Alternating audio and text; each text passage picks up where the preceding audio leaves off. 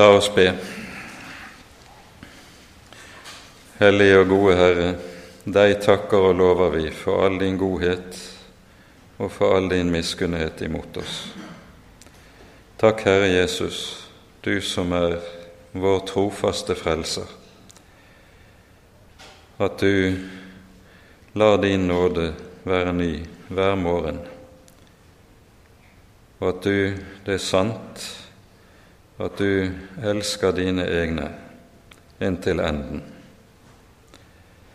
Vær nå hos oss med din Hellige Ånd, gi lys i ditt ord, slik vi trenger det. Amen. Denne timen skal vi gjøre på det viset at vi ser på en del av de tekster i Det nye testamentet som taler om Jesus og Peter. Eh, og prøve å se litt av sammenhengen i dette. For det ser ut til at det nettopp går en rød, sammenhengende tråd gjennom Peters historie med Jesus i Det nye testamentet. Og vi, eh, Det er jo et rikt fond av tekster å øse av. Og vi må gjøre det slik at vi bare henter frem noen av de sentrale tekstene. Vi kan ikke se veldig grundig på hver enkelt tekst, men se på noen av de sentrale poengene eh, for det som skal Det som er meningen med denne timen. Og vi skal begynne med kallet Jesu kall til Peter, Jakob og Johannes og Andreas, slik vi hører det i Lukasevangeliets femte kapittel. Her er situasjonen den at uh, disse har møtt Jesus tidligere. Det hører vi om i Johannesevangeliets første kapittel. Nede ved Jordan har Johannes utpekt Jesus for sine disipler. Se der Guds lam som bærer verdens synd. Og Noen av dem begynte allerede der å følge Jesus. De eh, har møtt ham, de har fått tillit til ham, men de er enda ikke så å si formelt eh, kalt til disipler i ordets egentlige forstand. Noe som henger sammen med at Jesu offentlige virke ikke begynner før døperen Johannes er kastet i fengsel. Det hører vi i Matteus 4. Da flytter Jesus ned til Kapernaum og begynner på sitt offentlige virke i Galilea, nettopp med utgangspunkt i Kapernaum. Og så er vi kommet da til Lukas 5. Og vi leser her de elleve første vers i sammenheng.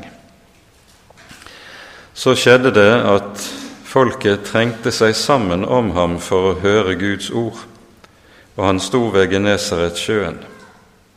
Da så han to båter som lå ved stranden. Fiskerne var gått ut av dem, de holdt på å skylle garnene.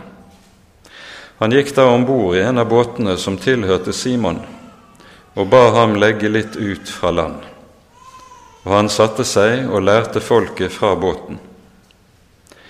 Da han sluttet å tale, sa han til Simon, Legg ut på dypet og kast garnene til fangst. Simon svarte og sa til ham, Mester, vi har strevet hele natten og ikke fått noe, men på ditt ord vil jeg kaste ut garnene. De gjorde så, og de fanget så mye fisk at garnene holdt på å revne. De vinket da til sine lagsbrødre i den andre båten at de skulle komme og ta i med dem. De kom, og de fylte begge båtene slik at de holdt på å synke. Men da Simon Peter så dette, falt han ned for Jesu knær og sa, Herre, gå fra meg, for jeg er en syndig mann. For redsel kom over ham og alle dem som var sammen med ham, over den fiskefangsten som de hadde fått. Likedan var det med Sebedeus' sønner Jakob og Johannes, som var sammen med Simon. Men Jesus sa til Simon, frykt ikke, fra nå av skal du fange mennesker. Da rodde de båtene til lands, de forlot alt og fulgte ham. I Matteusevangeliet i fjerde kapittel så gjengis det som her skjer, bare med ett enkelt vers, i det Jesus sier til Vi hører Jesus si, 'Følg meg, så vil jeg gjøre dere til menneskefiskere'. Og Det som er saken med denne fortellingen, er at det nettopp er en anskuelsesundervisning om hva Jesus akter å gjøre ved å gjøre disiplene til menneskefiskere. Etter at Jesus er ferdig å tale, er det altså at Jesus sier til Peter, til Simon, legg ut på dypet, kast garnene til fangst. Og tenk dere inn i situasjonen som vi står overfor her. De har fisket, vært ute hele natten, ingenting fått. Peter er yrkesfisker, og han vet meget godt hvor og hvordan man får fisk i Genesaretsjøen. For det første, fisk får du om natten, ikke på høylys dag. For det andre, fisk får du i Genesaretsjøen på bestemte grunner, slett ikke på det dype vann. Peter har vært med sin far i båten fra barnsben av. Han har vokst opp ved sjøen, kjenner sjøen som sin egen buks, bukselomme. Han er yrkesfisker. Og Nå kommer denne tømmermannen ned fra Øvre Galilea, fra en fjellby der han er vokst opp. Han har kanskje ikke sett sjøen i hele sitt liv. Han er tømrer, slett ikke fisker.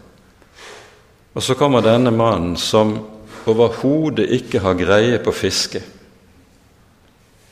og ber Peter om å gjøre noe som Peter vet dette er tåpelig.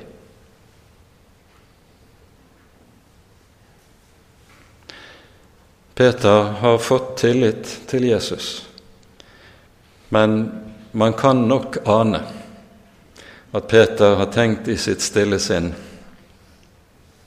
dette er ikke lurt. Kanskje han skottet over på sine lagsbrødre i båten og si, når han sier 'Mester, på ditt ord'. Jeg står ikke inne for dette, nemlig. På ditt ord skal vi kaste garnene. De gjør det, og så skjer det som vi hører.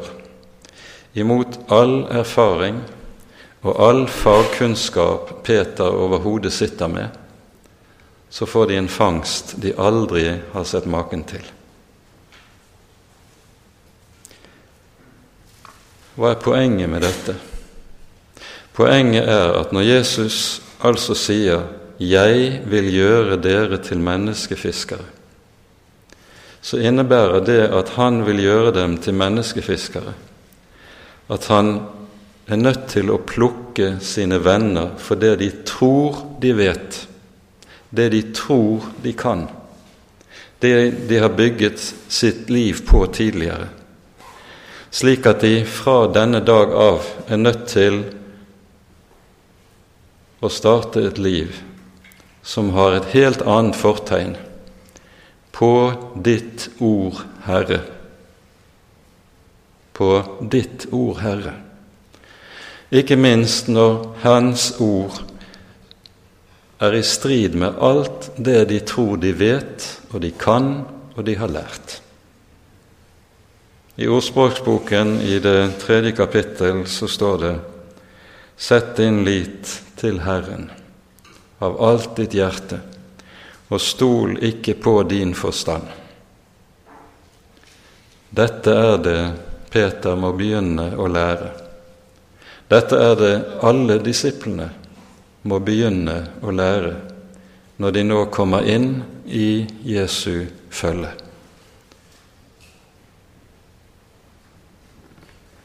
Vi hører at Peters reaksjon på dette, der det står at han blir fylt av redsel.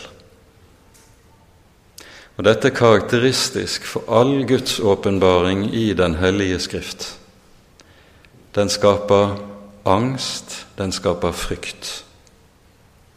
Ikke sånn som vi ofte hører det i våre dager, at det gir følelsen av at en sensasjon som får folk til å løpe begeistret omkring og klappe i hendene og juble. Den skaper en frykt som får mennesket til å bøye kne. Slik er det med all sann Guds åpenbaring. Og vi aner hva som også ligger bak i dette når Peter sier som han gjør. Herre, gå fra meg, for jeg er en syndig mann.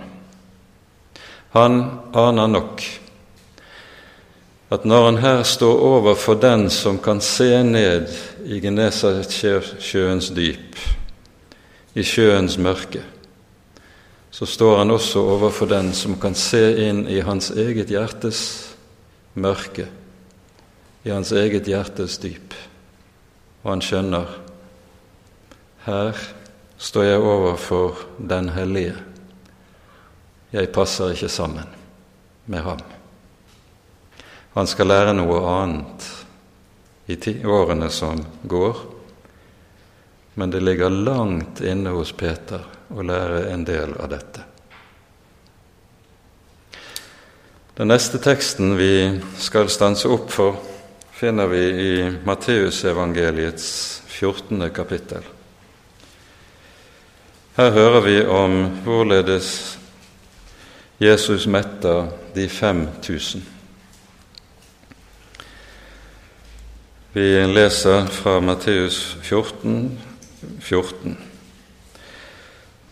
Da Jesus steg i land, fikk han se mye folk, og han kjente inderlig medynk med dem og helbredet de syke blant dem.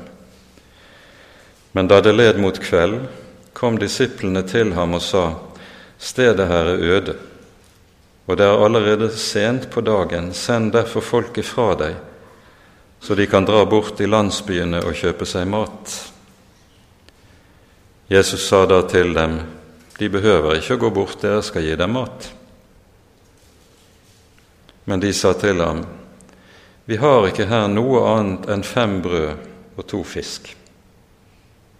Da sa han, bring dem hit til meg. Så bød han folket å sette seg ned i gresset, og han tok de fem brødene og de to fiskene, så opp mot himmelen og ba velsignelsesbønnen. Og han brøt brødene, ga dem til disiplene, og disiplene delte dem ut til folket. Og alle spiste og ble mette. Og de samlet opp stykkene som ble til overs, tolv kurver fulle. Men de som hadde spist, var omkring 5000 menn, utenom kvinner og barn.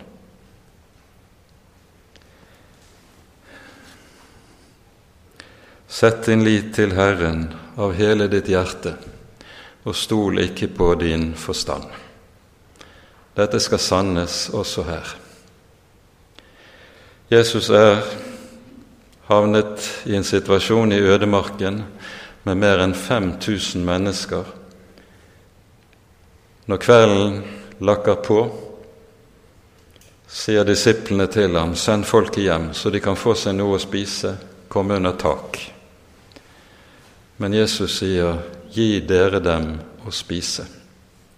I Lukasevangeliet, nei, unnskyld, i Johannesevangeliet føyes det til dette sa Jesus for å prøve dem, men han visste selv hva han ville gjøre. Han visste selv hva han ville gjøre. Så er det at de altså ser litt etter, og det er en liten gutt som har fått med seg mat, matpakke av sin mor.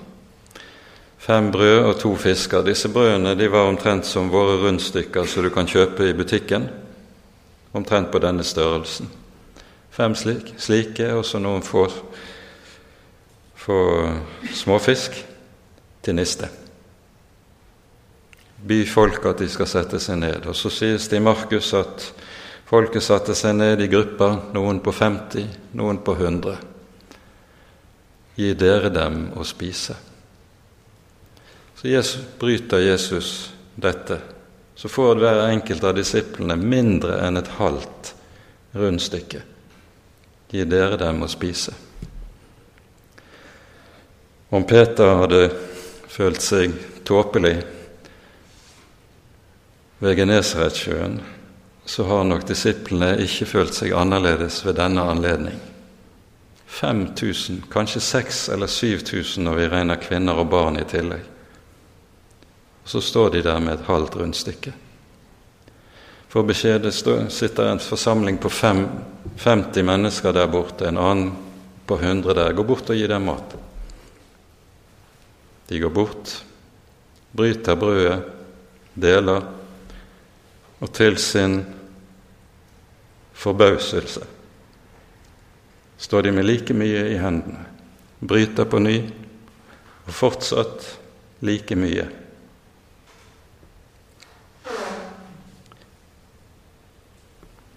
Det er underet i de tomme hender. Og så, på denne, på denne måten, får altså hele forsamlingen å ete. Ikke bare et lite brødstykke, men det står at alle spiser seg mette. Og når det hele, hele måltidet er avsluttet, får de beskjed samle inn det som er blitt til overs. Og vi hører det er tolv fulle kurver. Hvor mange disipler er det? tolv. Disse kurvene de var antagelig like store som disse store kjipene som man tidligere brukte på Vestlandet når man skulle bære ved. De er ganske svære. Disiplene hadde nok ikke følt seg så dumme hvis de hadde fått hver sin kurv på forhånd før de skulle ut og dele. Hvis de hadde hatt en kurv full av brød på forhånd. Da hadde det ikke vært så vanskelig.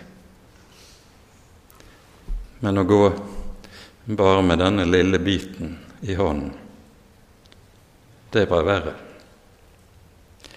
Og samme sak sannes her som ved Genesaretsjøen. På ditt ord, Herre, på ditt ord, selv om de følte seg aldri så dumme aldri så hjelpeløse. Og så skjer nettopp dette under i de tomme hender. Fortellingen om Peter som etter dette skal på, forsøke å gå på vannet, var vi innom i går. Vi hopper over den og går direkte til kapittel 16 hos Matteus, der vi hører Peters store bekjennelse. Da Jesus var kommet til traktene ved Cesarea Filippi, spurte han disiplene sine, Hvem sier folk at menneskesønnen er? De svarte, noen sier døperen Johannes, andre Elia, andre igjen Jeremia eller en av profetene. Han sier til dem, men dere, hvem sier dere at jeg er? Og da svarte Simon Peter og sa, Du er Messias, den levende Guds sønn. Jesus svarte ham og sa, Salig er du, Simon, Jonas' sønn, for det er ikke kjøtt og blod som har åpenbart dette for deg, men min Far i himmelen. Jeg sier deg, du er Peter, og på denne klippet vil jeg bygge min menighet, og dødsrikets porter skal ikke få makt over den. Og jeg vil gi deg nøklene til himlenes rike, og det du binder på jorden, skal være bundet i himmelen. Det du løser på jorden, skal være løst i himmelen. Så bød han disiplene strengt at de ikke skulle si til noen at han var Messias.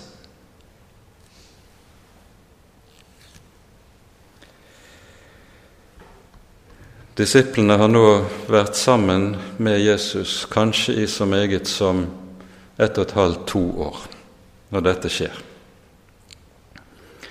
Jesus har ikke ved en eneste anledning sagt at han er Messias. Så denne erkjennelsen det er noe som har vokst frem av disiplenes samvær med Jesus. De har hørt hans ord, de har sett hans gjerninger, og mer og mer også sett hvorledes alt det Jesus er, gjør og forkynner, det er oppfyllelsen av løftet i Det gamle testamentet.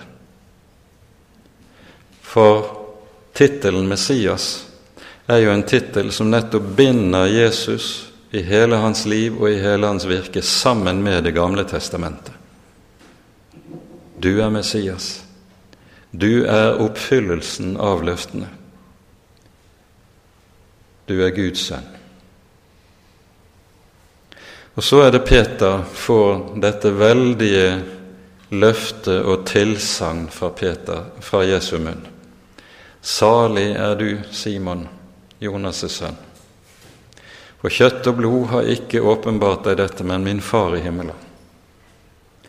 Han er en som på Jesu eget ord og tilsagn har fått Guds egen åpenbaring, åpenbaring av hemmeligheten, av mysteriet. Og så kaller Jesus ham salig.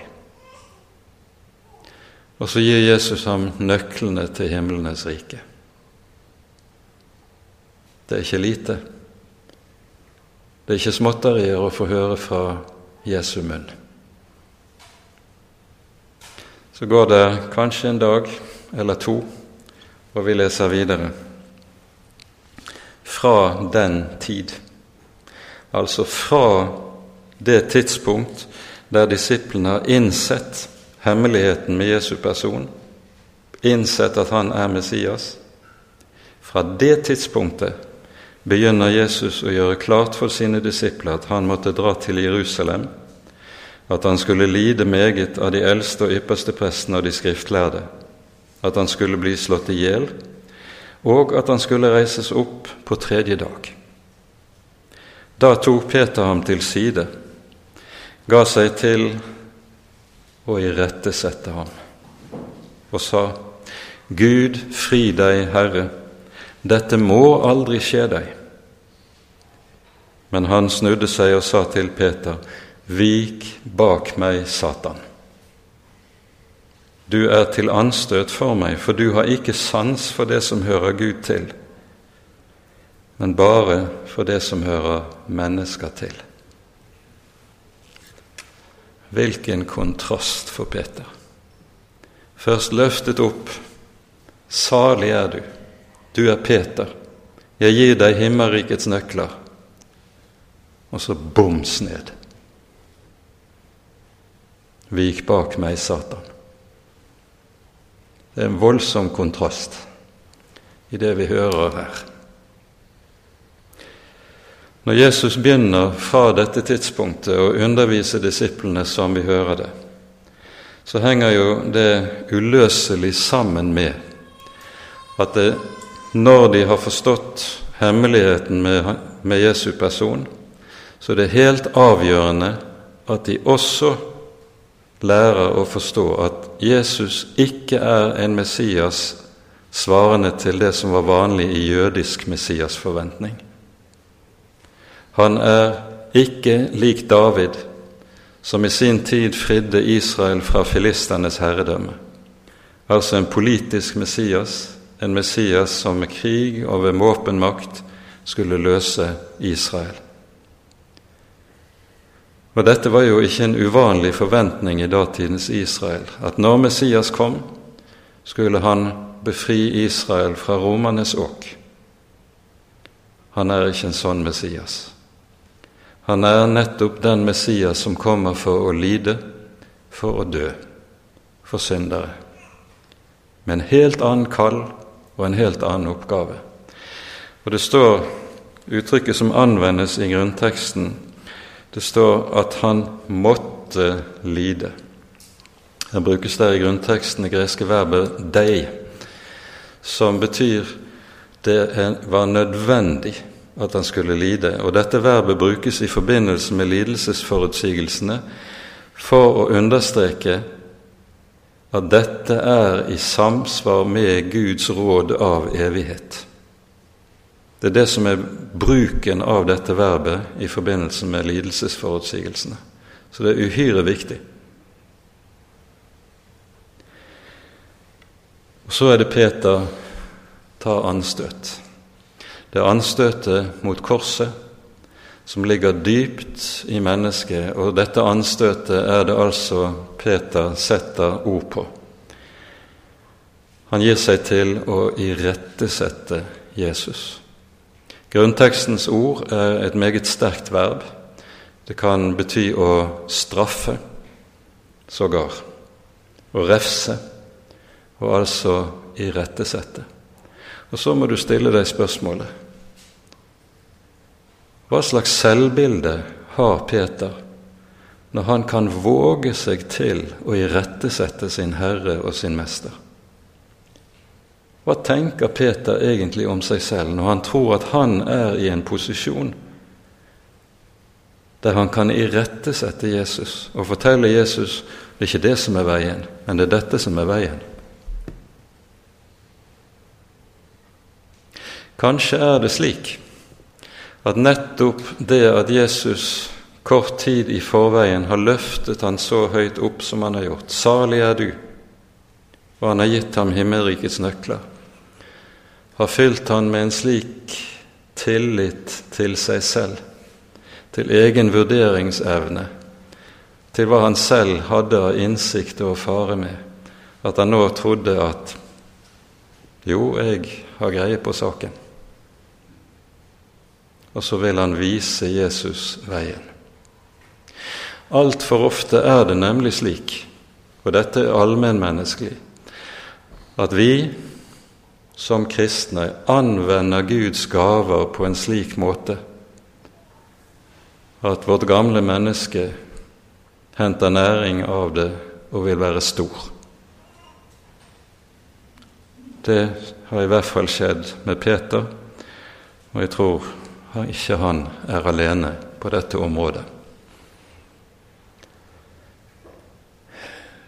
Jesus sier videre til ham, du har ikke sans for det som hører Gud til, bare for det som hører mennesker til. Det er et uhyre radikalt utsagn. Synssansen har vi for å oppfatte lys. Hørselssansen har vi for å oppfatte lyd. Men hva slags sans har vi for å kunne sanse det guddommelige? Den har vi ikke. Vi mangler den like mye som den blinde mangler enhver forutsetning til å se lys. Derfor er det også slik, og dette er sannheten om det falne mennesket, det falne mennesket er den levende Gud dypt, dypt fremmed. Fremmed på en sånn måte at der Gud trer frem, vil det falne mennesket alltid på en eller annen måte reagere med anstøt. Det er ikke sånn som vi leser i den 50. salmen, der det slår på slutten av salmen der Herren taler til et Israel som på ny og på ny tar feil av veien. Så sier Herren til folket, du tenkte at jeg var som du. Nei. Eller som Pete Hine har formulert det i et grykk. Herrens visdom svikter ei, derfor mener Han som jeg. Sånn liker vi mennesker å tenke. Men det er motsatt. Og Så er det altså at Peter får høre disse voldsomme ordene 'Vik bak meg, Satan'. Vi har hørt en lignende sats fra Jesu munn tidligere i Matteusevangeliet. I forbindelse med fristelsen, etter den siste fristelsen som vi hører i Matteus 4, så sier Jesus til djevelen, 'Vik fra meg, Satan'. Legg merke til at Jesus ikke sier til Peter 'vik fra meg', men han sier 'vik bak meg'.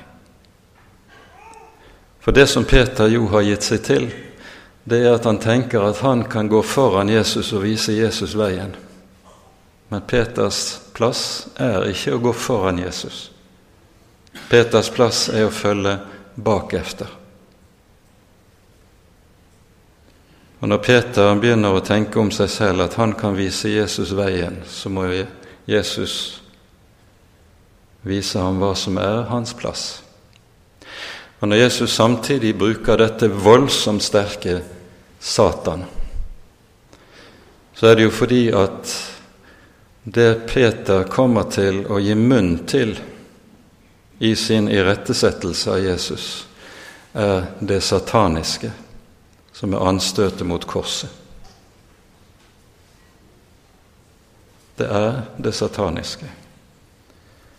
Og nå begynner vi å se radikalt hvordan Jesus må stelle med Peter, sin disippel. Jeg er vintreet, dere er grenene, sier Jesus i Johannes 15, og min far er vingårdsmannen. Hver gren på meg som ikke bærer frukt, tar han bort, og hver gren som bærer frukt, renser han. Hvorledes renser vingårdsmannen vintreet? Gjennom å beskjære det. Vintreet må beskjæres. Og det er det Jesus har begynt med nå. Nå begynner beskjæringen av Peter. Det han tror han vet, og han tror han kan må legges til side. Vik bak meg. Der er din plass. En rekke tekster må vi hoppe over, og vi går nå direkte til Johannes evangeliets 13. kapittel.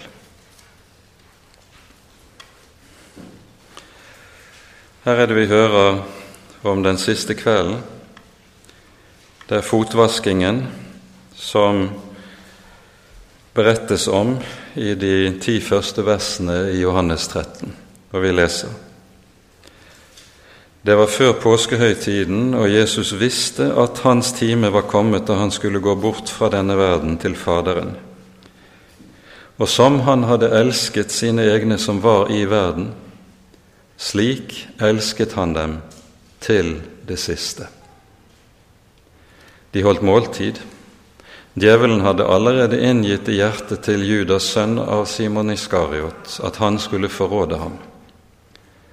Jesus visste at Faderen hadde gitt alt i hans hender, at han var utgått fra Gud og gikk til Gud.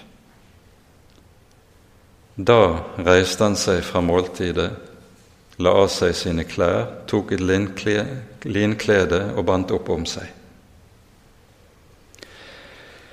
Vi skal legge merke til innledningen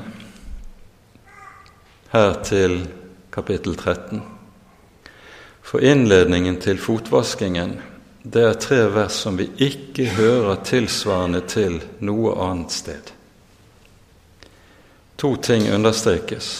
For det første det som vi hører i det tredje verset.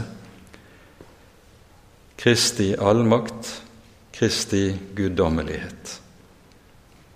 For det andre, det som sies i det første verset, som han hadde elsket sine egne som var i verden, elsket han dem inntil enden. For hva er det nå som ligger foran? Nå ligger skjærtorsdagsnattens svik fra disiplenes side foran. Jesus vet hva som skal skje. Og nettopp i møte med at han vet det, så sies det han elsket dem inntil enden. Det vil si gjennom svik, gjennom fornektelse, gjennom fall.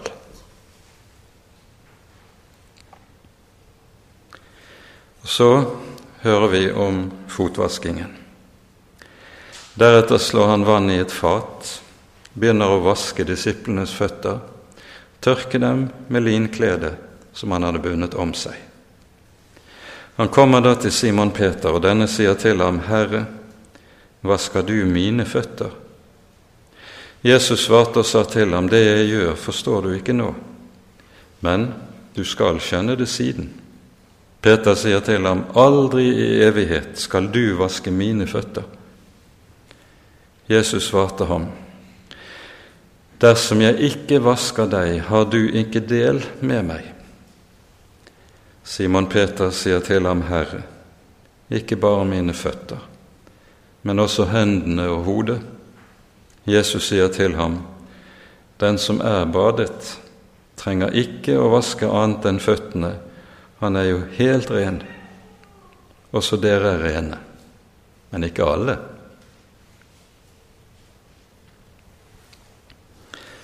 Hva er det som skjer her? Forut for måltidet det er jo sånn at Peter og Johannes hadde fått beskjed av Jesus om å gjøre i stand til påskemåltidet.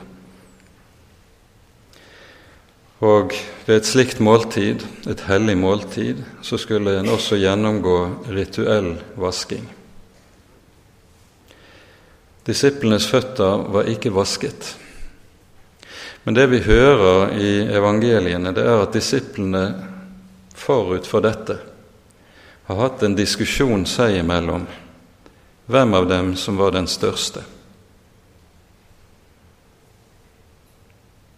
Jesus vet det, og vi hører i de andre evangeliene hvordan han griper tak i det og irettesetter disiplene.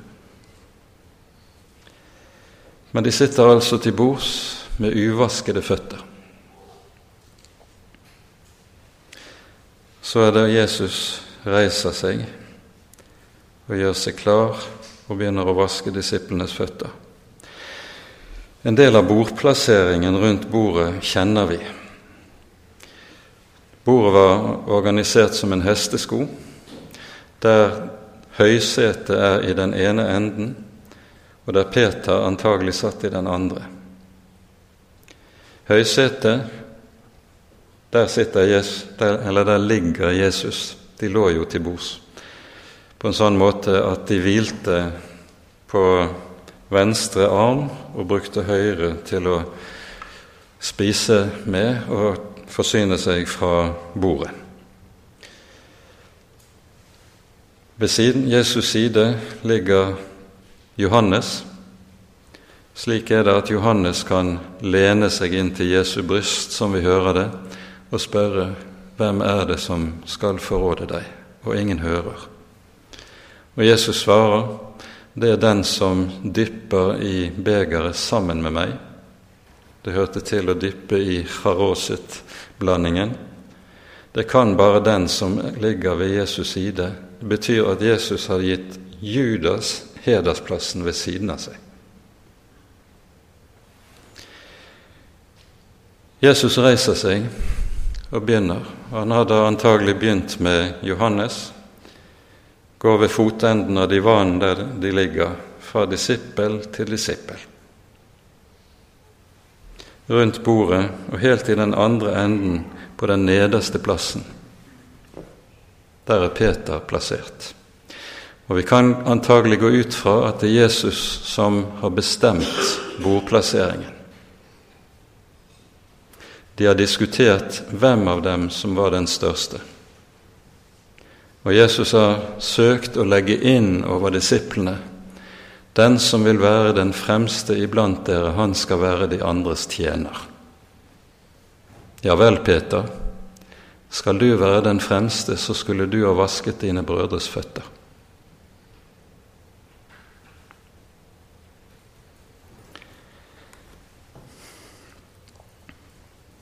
Da er det antagelig slik at det som nå skjer når Jesus arbeider seg rundt bordet, så er det samtidig også en brodd som arbeider seg inn i Peters hjerte. Det Jesus nå gjør, var det jeg som skulle ha gjort. Men jeg var for stor til det. Herre, hva skal du? Mine føtter. Det var jo jeg som skulle vaske dine. Det jeg gjør, forstår du ikke nå, men du skal forstå det siden. Dette er jo noe som gjelder i alle ting, der Herren handler med oss på måter som er, ligger over vår forstand. Ikke minst når vi opplever nød, sorg, trengsel. Vi forstår ytterst, ytterst sjelden i øyeblikket hva Herren gjør. Men han har gitt løftet. Siden, siden skal du skjønne.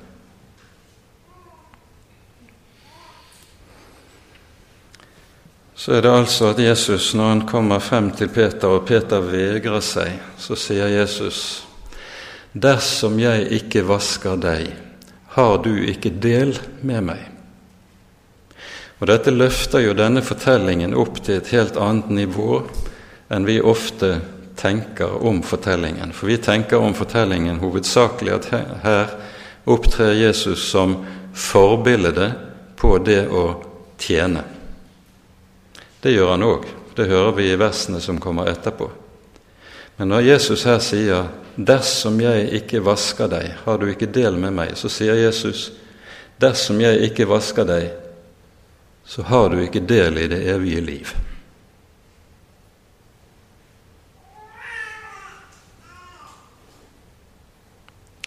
Og Da skjønner vi at dette ligger på et langt dypere nivå enn vi kanskje hadde tenkt. Og Da slår jo Peter typisk nok over i det motsatte, ikke bare føttene, men også hendene og hodet hvorpå Jesus sier og gir oss så å si nøkkelen til det hele.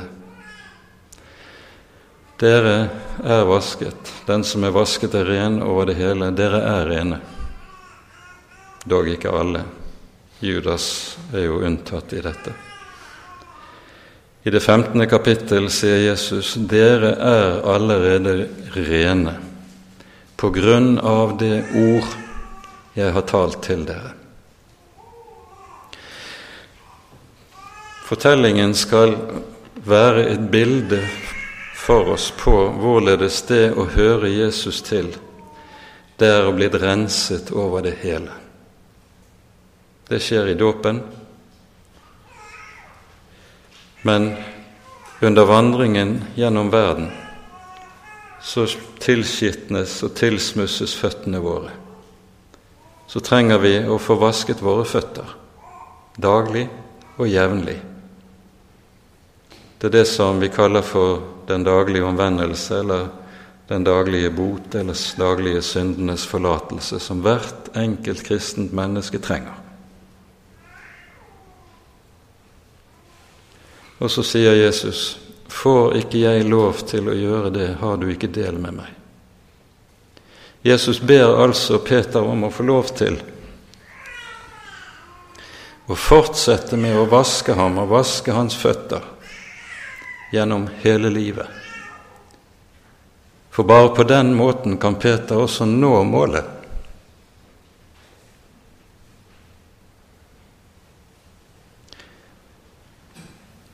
Og så skjønner vi han elsket sine egne inntil enden.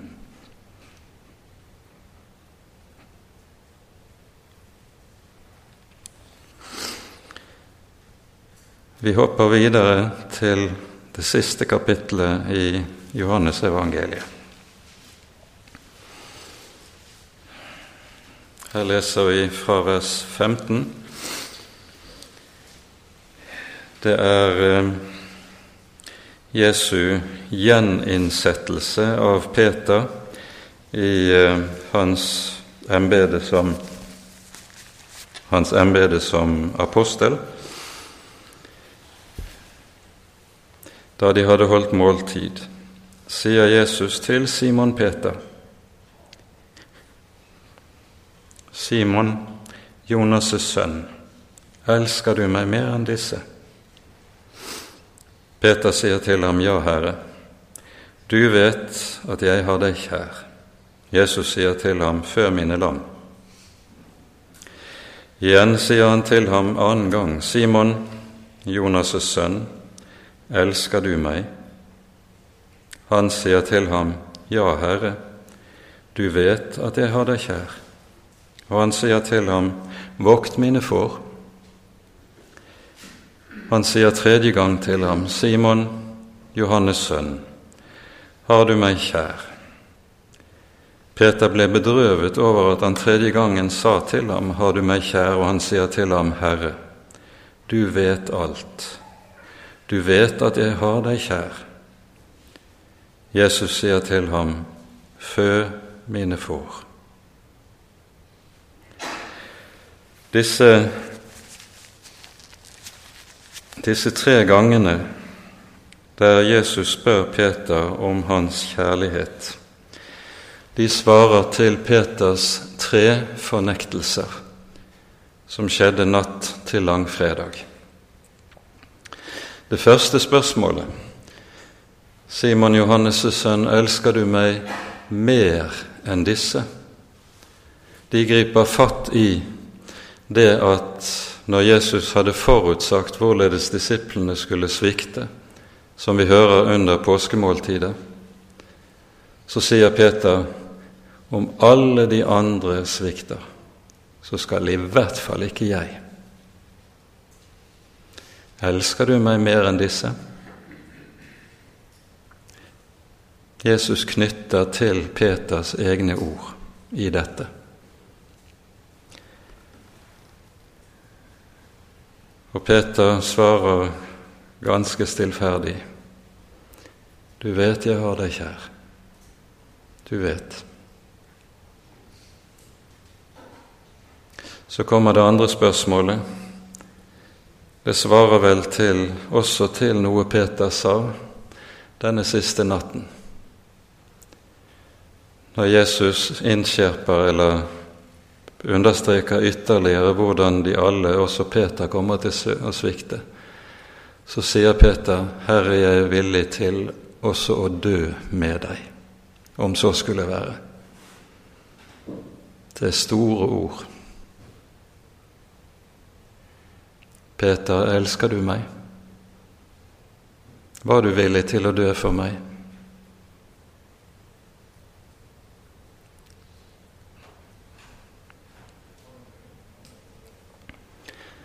Det er jo klart at dette må være ganske barskt for Peter å høre. For han minnes meget godt denne siste natten før Jesu lidelse. Og så kommer det siste spørsmålet, der Jesus bruker et meget svakere verb etter det vi ser i grunnteksten. Har du meg kjær? Du har kommet med dine store løfter. Om alle de andre sviker. Jeg skal gi livet mitt for deg. Hva er ordene dine verd, Peter? Kan jeg i det hele tatt stole på deg? Herre, du vet alt. Du vet at jeg har deg kjær. Hvordan kan Peter si dette? Bakteppet for det er det vi møter i det som versene som går forut for disse spørsmålene. Og vi tar oss tid til også å lese fra begynnelsen av kapittel 21. Siden åpenbarte Jesus seg igjen for disiplene ved Tiberiasjøen, og han åpenbarte seg da på denne måten. Simon, Peter, Thomas, som ble kalt tvilling, Natanael fra Kana i Ganilea og Sebedeus' sønn og to av de andre disiplene hans var sammen. Simon Peter sa til de andre, 'Jeg går av sted for å fiske.' De sier til ham, 'Vi går også med deg.' De gikk av sted steg i båten, men den natt fikk de ingenting. Da det alt led mot morgen, sto Jesus på stranden, men disiplene visste ikke at det var Jesus. Jesus sier da til dem, Barn, dere har vel ikke noe å spise til brødet? De svarte ham nei. Han sa til dem, Kast garnet på høyre side av båten, så får dere fisk. De kastet det da ut, og nå maktet de ikke å trekke det opp, så mye fisk var det. Den disippel som Jesus elsket, sier da til Peter, det er Herren. Da Simon Peter hørte at det var Herren, bandt han kappen om seg, for han var naken, og kastet seg i sjøen. Men de andre disiplene kom etter i båten. De var ikke langt fra land, bare omkring 200 alen, og slepte garnet med fisken etter seg. Sirkelen er sluttet. Jesu kall til disiplene begynner med fiskefangsten ved Genesaretsjøen i Lukas 5. Jesus' samliv med disiplene her på jorden avsluttes med det samme tegnunderet. Og sammenhengen mellom dem er uhyre viktig. Men legg merke til Peter i dette. Ved den første fiskefangsten er det Peter faller for Jesu føtter og sier til ham, Herre, gå fra meg, for jeg er en syndig mann. Nå kaster han seg i sjøen. Han kan ikke fort nok komme til Jesus. Og det er som om Peter med dette sier, Herre, gå ikke fra meg. For jeg er en syndig mann.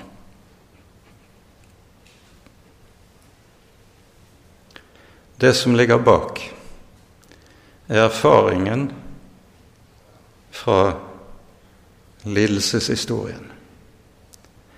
Peter har sett seg selv og erfart noe om seg selv som har gjort at nå er syndere ikke andre personer som Jesus, som ligger i rennesteinen, og som Jesus tar seg av.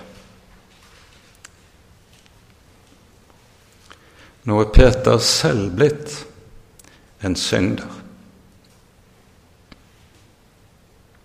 som ikke kan klare seg uten Jesus.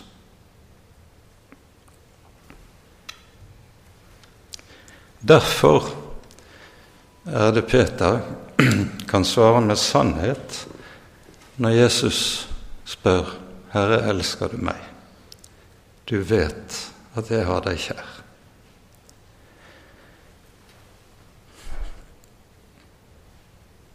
Nå har Peter erfart, opplevet og sett at det er sant.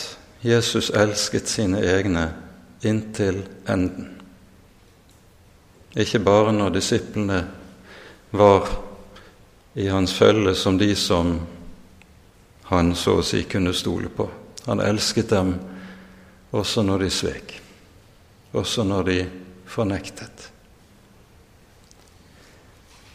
Nå har Peter sett for sin egen del hvor nødvendig det er å ha en frelser som vasker hans føtter på ny og på ny. Peter har blitt et, en hjelpeløs synder som har bruk for Jesus.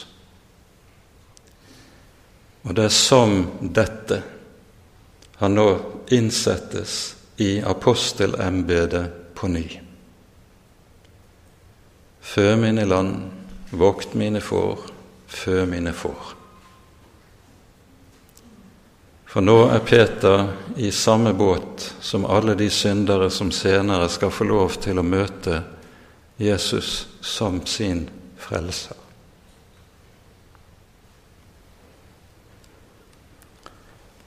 Slik er det evangeliet skal lyde i verden. Fra syndere som er frelst, til syndere som trenger frelse. Ære være Faderen og Sønnen og Den hellige ånd, som var og er og være skal, en sann Gud, høylovet i evighet. Amen.